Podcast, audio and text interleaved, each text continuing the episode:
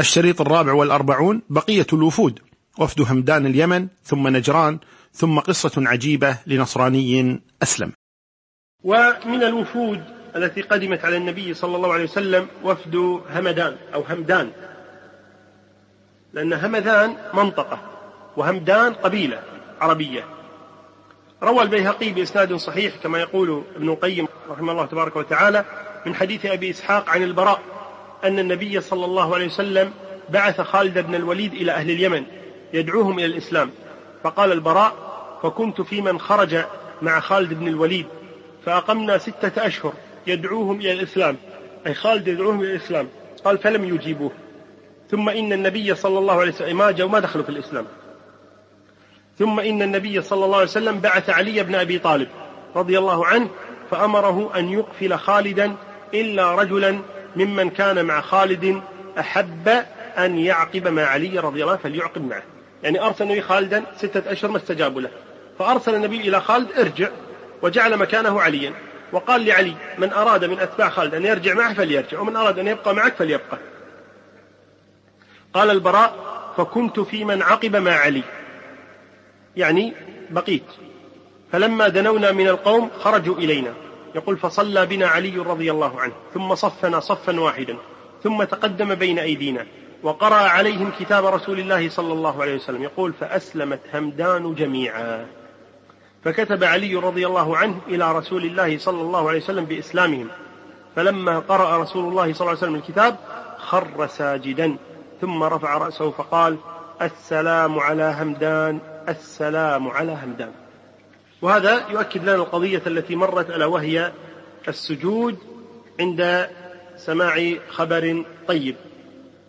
ومن الوفود التي وفدت على النبي صلى الله عليه وسلم وفد نجران. عن كرس بن علقمة قال قدم على رسول الله صلى الله عليه وسلم وفد نصارى نجران وهم ستون راكبا. منهم أربعة وعشرون من أشرافهم منهم العاقب أمير القوم. وذو رأيهم وصاحب مشورتهم والذي لا يصدرون إلا عن رأيه وأمره واسمه عبد المسيح. ومعه آخر وهو صاحب رحلهم ومجتمعهم واسمه الأيهم وأبو حارثة بن علقمة أحد بكر بن وائل وهو أسقفهم وحبرهم وإمامهم وصاحب مدراسهم يعني تعليمهم. يقول وكان أبو حارثة قد شرف فيهم ودرس كتبهم حتى حسن علمه في دينهم يعني من أعلمهم في دينهم. وكانت ملوك الروم من أهل النصرانية قد شرفوه ومولوه وبنوا له وبنوا له الكنائس يعني له مكان القصد عند النصارى. فلما توجهوا إلى رسول الله صلى الله عليه وسلم من نجران جلس أبو حارثة على بغلة له موجها إلى رسول الله صلى الله عليه وسلم يعني منطلقا إلى رسول الله صلى الله عليه وسلم. وإلى جنبه يعني إلى جانبه أخ له يقال له كرز بن علقمة. يسايره. يساير هذا حارثة بن علقمة.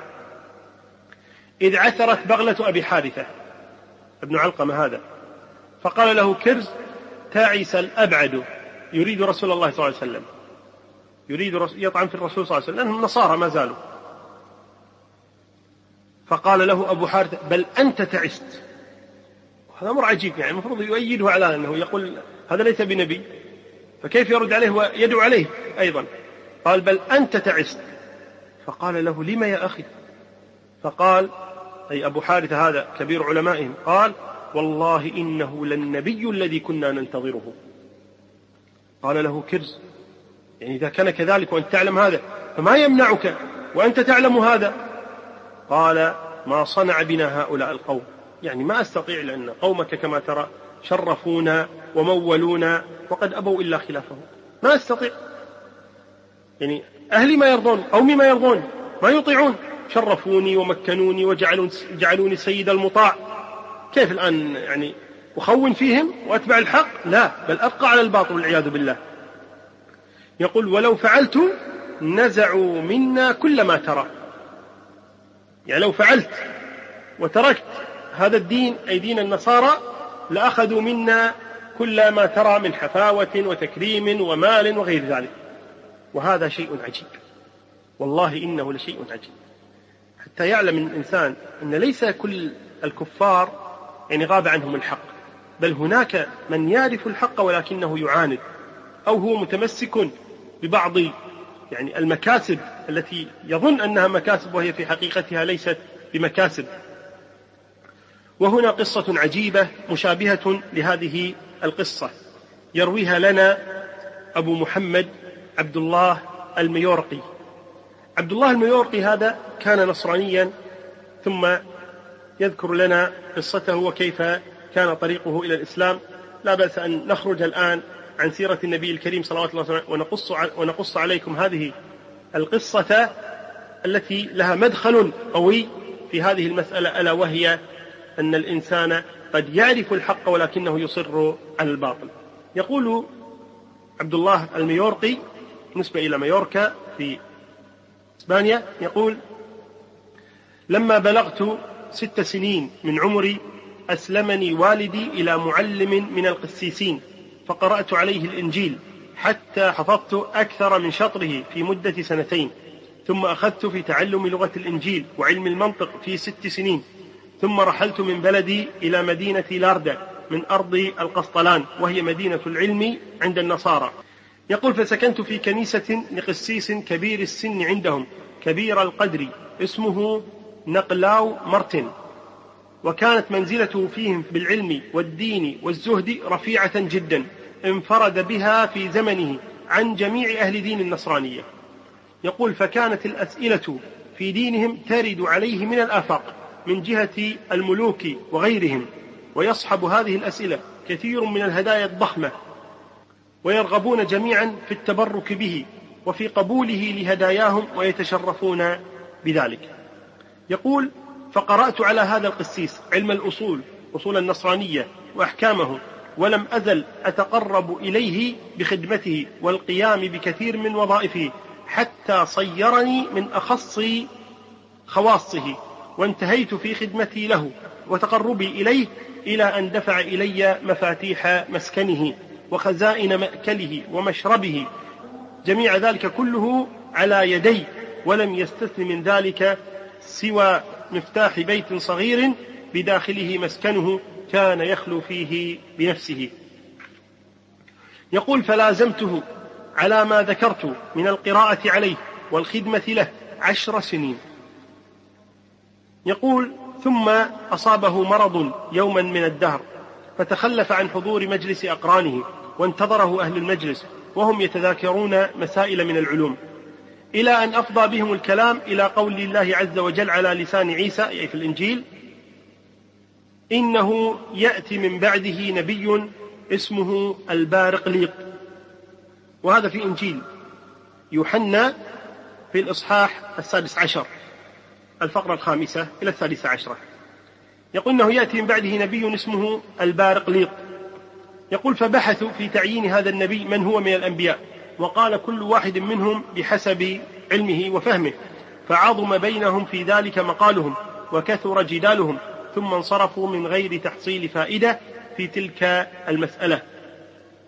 يقول فأتيت مسكن الشيخ صاحب الدرس المذكور يعني قسيس الكبير فقال لي ما الذي كان عندكم اليوم من البحث في غيبتي عنكم؟ فأخبرته باختلاف القوم في اسم البارقليط وأن فلانا قد أجاب بكذا وفلانا قد أجاب بكذا وسردت لهم أجوبتهم. فقال لي وبماذا أجبت أنت؟ فقلت بجواب القاضي فلان في تفسيره الإنجيل. فقال لي ما قصرت وقربت. يعني من الإجابة. وفلان أخطأ يعني القسيس الثاني. وكاد فلان أن يقارب. بدأ إيش؟ يوضح كل واحد يعني ما قوله وما مدى صحته. وكلمة بارقليط هذه قبل أن نسرد القصة يقول الأستاذ عبد الوهاب النجار أنه جلس مع الدكتور كارلو نيلينو. فقال له يا دكتور ما معنى بيريكلوتوس اللي البارقليط هذه. ما معنى بيريكلوتوس فأجابني بقوله إن القسس يقولون إن هذه الكلمة معناها المعزي. فقلت له إني أسأل الدكتور كارلو نيلينو الحاصل على الدكتوراه في آداب اللغة اليونانية القديمة. ولست أسأل قسيسا. أنا أعرف القسيسون ماذا يقولون ولكن أريد جوابك أنت. ماذا تقول؟ فقال إن معناها الذي له حمد كثير. هذا معنى البارقليط اللغة اليونانية القديمة الذي له حمد كثير. فقلت له هل ذلك يوافق أفعل التفضيل من حمد؟ قال نعم. قلت إن رسول الله صلى الله عليه وسلم من أسمائه أحمد.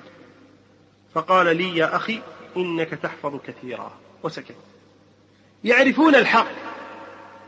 فإنهم لا يكذبونك ولكن الظالمين بآيات الله يجحدون. نرجع إلى عبد الله الميورقي.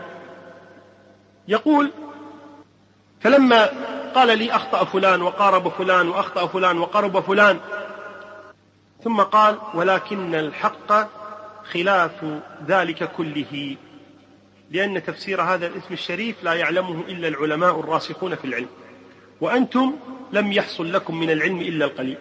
يقول فبادرت إلى قدميه يقبلهما.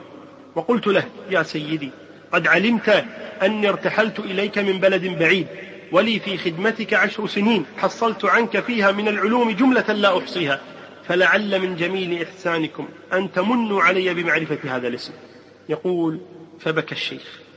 وقال لي يا ولدي والله أنت لتعز علي كثيرا من أجل خدمتك. يعني أنت عزيز علي من أجل خدمتك لي وانقطاعك إلي في معرفة هذا الاسم الشريف فائدة عظيمة. لكني أخاف عليك أن يظهر ذلك عليك فتقتلك عامة النصارى. يقول أنا أعرف المعنى ولكن أخاف عليك إذا علمتك أن تقتلك النصارى. فقلت له يا سيدي والله العظيم وحق الإنجيل ومن جاء به لا أتكلم بشيء مما تسره إلي إلا عن أمرك. يعني لا تخف. فقال لي يا ولدي إني سألتك في أول قدومك علي عن بلدك وهل هو قريب من المسلمين وهل يغزونكم أو تغزونهم؟ ليختبر ما عندك من المنافرة للإسلام. فاعلم يا ولدي أن البارقليط هو اسم من أسماء نبيهم محمد صلى الله عليه وسلم. وعليه نزل الكتاب الرابع المذكور على لسان دانيال عليه السلام. الكتاب الرابع يعني بعد التوراة والإنجيل والزبور وهو القرآن. يقول قلت له يا سيدي وما تقول في دين هؤلاء النصارى؟ قال لي يا ولدي لو أن النصارى أقاموا على دين عيسى الأول لكانوا على دين الله لأن عيسى وجميع الأنبياء دينهم دين الله. ولكن بدلوا وكفروا. هذا أمر عجيب سبحان الله يقول فقلت له يا سيدي وكيف الخلاص من هذا الأمر؟ فقال يا ولدي بالدخول في دين الإسلام. فقلت له وهل ينجو الداخل منه؟ قال لي نعم ينجو في الدنيا والآخرة. فقلت يا سيدي إن العاقل لا يختار لنفسه إلا أفضل ما يعلم. فإذا علمت فضل دين الإسلام فما يمنعك منه؟ طيب أنت الآن تقول هذا هو الحق. لماذا أنت ما تدخل الإسلام؟ كمثل أبي الحارث الآن أبي الحارثة قال أنت ما يمنعك من الدخول في الإسلام؟ فقال لي يا ولدي إن الله لم يطلعني على حقيقة ما أخبرتك به من فضل الإسلام وشرف نبي أهل الإسلام إلا بعد كبر سني ووهن جسمي ولا عذر لنا بل هو حجة علينا قائمة. ولو هداني الله لذلك وأنا في سنك لتركت كل شيء ودخلت في دين الحق. وحب الدنيا رأس كل خطيئة. هذه هي المصيبة. حب الدنيا. يقول وحب الدنيا رأس كل خطيئة. وأنت ترى ما أنا فيه عند النصارى من رفعة الجاه والعز والترف وكثرة عرض الدنيا. ولو أني ظهر علي شيء من الميل إلى دين الإسلام لقتلتني العامة. في أسرع وقت. وهب أني نجوت. افرض ما قتلت نجوت منهم. وخلصت إلى المسلمين. فأقول لهم إني جئتكم مسلما. فيقولون لي قد نفعت نفسك بنفسك بالدخول في دين الحق. فلا تمن علينا بدخولك في دين خلصت به نفسك من عذاب الله. يمنون عليك أن أسلموا. قل لا تمنوا علي إسلامكم بل الله يمن عليكم أن هداكم للإيمان إن كنتم صادقين. هذا هو الحق هذا هو الحق. يقول يقول فيقولون لي قد نفعت نفسك بنفسك بالدخول في دين الحق فلا تمن علينا بدخولك في دين خلصت به نفسك من عذاب الله. يقول فأبقى بينهم شيخا كبيرا فقيرا ابن تسعين سنة لا أفقه لسانهم ولا يعرفون حقي فأموت بينهم جوعا. وأنا والحمد لله على دين عيسى وعلى ما جاء به يعلم الله ذلك مني. فقلت له يا سيدي أفتدلني أن أمشي إلى بلاد المسلمين وأدخل في دينهم؟ فقال لي إن كنت عاقلا طالبا للنجاة فبادر إلى ذلك. تحصل لك الدنيا والآخرة. وهنا في قوله وأنا والحمد لله على دين عيسى هذا يعني يكذب فيه على نفسه. لأنه قال قبل قليل إنهم بدلوا وكفروا وأن دين عيسى الذي هم عليه مبدل مغير فكيف يكون على دين عيسى؟ ولكن يضحك على نفسه بمثل هذا الكلام. ثم قال لي ولكن يا ولدي هذا أمر لم يحضره أحد معنا فاكتمه بغاية جهدك. وإن ظهر عليك شيء منه قتلتك العامة لحينك يعني باقي الناس. ولا أقدر على نفعك ولا ينفعك أن تنقل ذلك عني. يعني يحذر يقول لا تقل هذا عني. لا تخبر الناس أني أخبرتك مثل هذا الكلام. قال ولا تنقل ذلك عني فإني أجحده. وقولي مصدق عليك وقولك غير مصدق عليك. عجيب. يقول إذا أنت, أنت قلت أني جلست معك يعني جئتهم وقلت جلست مع القس الكبير وقال كذا وكذا وكذا أقول أنا كذاب. وأنا مصدق وأنت مكذب. يقول ثم أخذت أسباب الرحلة إلى أن رحل بعد ذلك إلى تونس ودخل في دين الله تبارك وتعالى. وذكر قصة طويلة ليس هذا مجال ذكرها ولكن من أراد أن يرجع إليها فهذه ذكرها في كتابه تحفة الأريب في الرد على أهل الصليب. ذكر في مقدمة هذا الكتاب قصته وتحوله من دين النصرانية إلى دين الإسلام. نرجع إلى أبي حارثة. نرجع إلى أبي حارثة الآن فنقول لما قال له أخوه وما يمنعك وأنت تعلم هذا قال ما صنع بنا هؤلاء القوم شرفونا ومولونا وقد أبوا إلا خلافه ولو فعلت نزعوا مني كل ما ترى.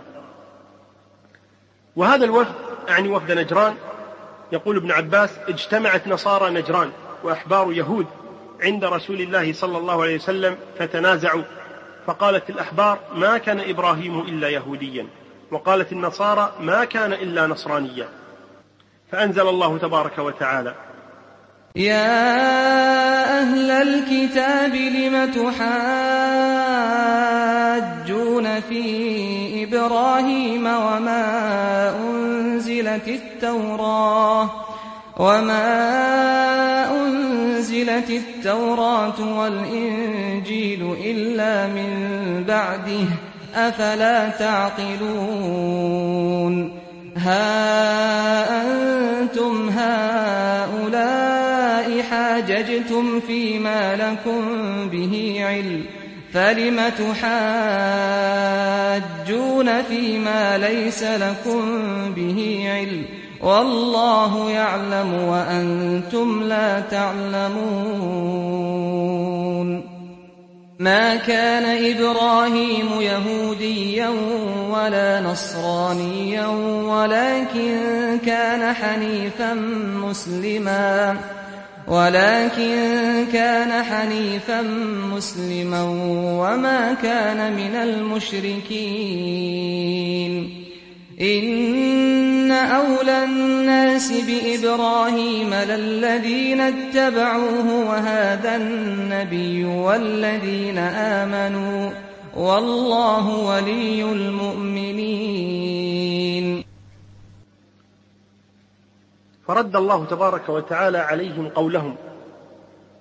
فسألوا رسول الله صلى الله عليه وسلم عن عيسى صلوات الله وسلامه عليه ما يكون؟ وما يقول فيه المسلمون. فأنزل الله تبارك وتعالى قوله جل وعلا إن مثل عيسى عند الله كمثل آدم خلقه من تراب ثم قال له كن فيكون. الحق من ربك فلا تكن من الممترين.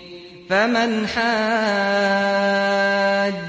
فيه من بعد ما جاءك من العلم فقل فقل تعالوا ندع أبناءنا وأبناءكم ونساءنا ونساءكم ونساءنا ونساءكم وأنفسنا وأنفسكم ثم نبتهل ثم نبتهل فنجعل لعنة الله على الكاذبين.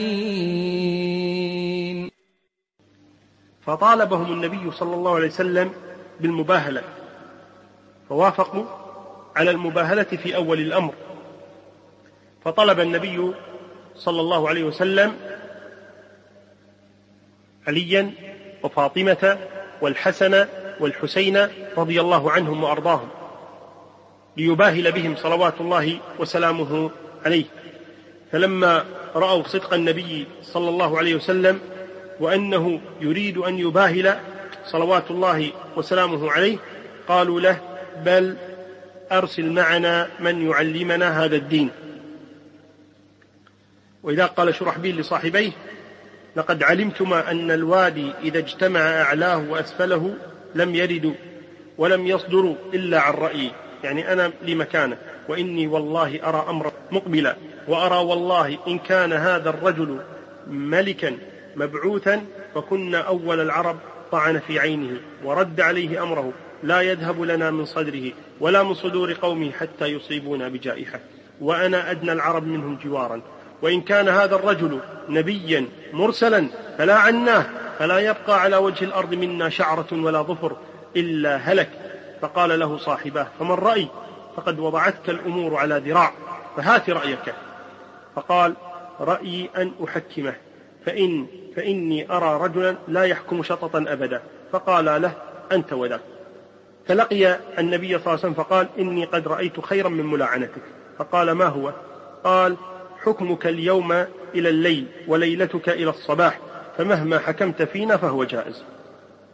فقال صلوات الله لعل وراءك أحدا يثرب عليك أي يرد عليك. فقال سل صاحبي. فسألهما فقال ما يرد الوادي ولا يصدر إلا عن رأي شرحبيل. فقال رسول الله صلى الله عليه وسلم كافر موفق. يعني كافر الناس تحبه وتتبعه. فرجع النبي صلى الله عليه وسلم ولم يلاعنهم صلوات الله وسلم وكتب لهم كتابا طويلا ثم أرسل أبا عبيدة عامر بن الجراح يفقههم في دين الله تبارك وتعالى وكان قد قال لهم لأرسلن معكم أمينا حق أمين. فأرسل أبا عبيدة وقال هذا أمين هذه الأمة.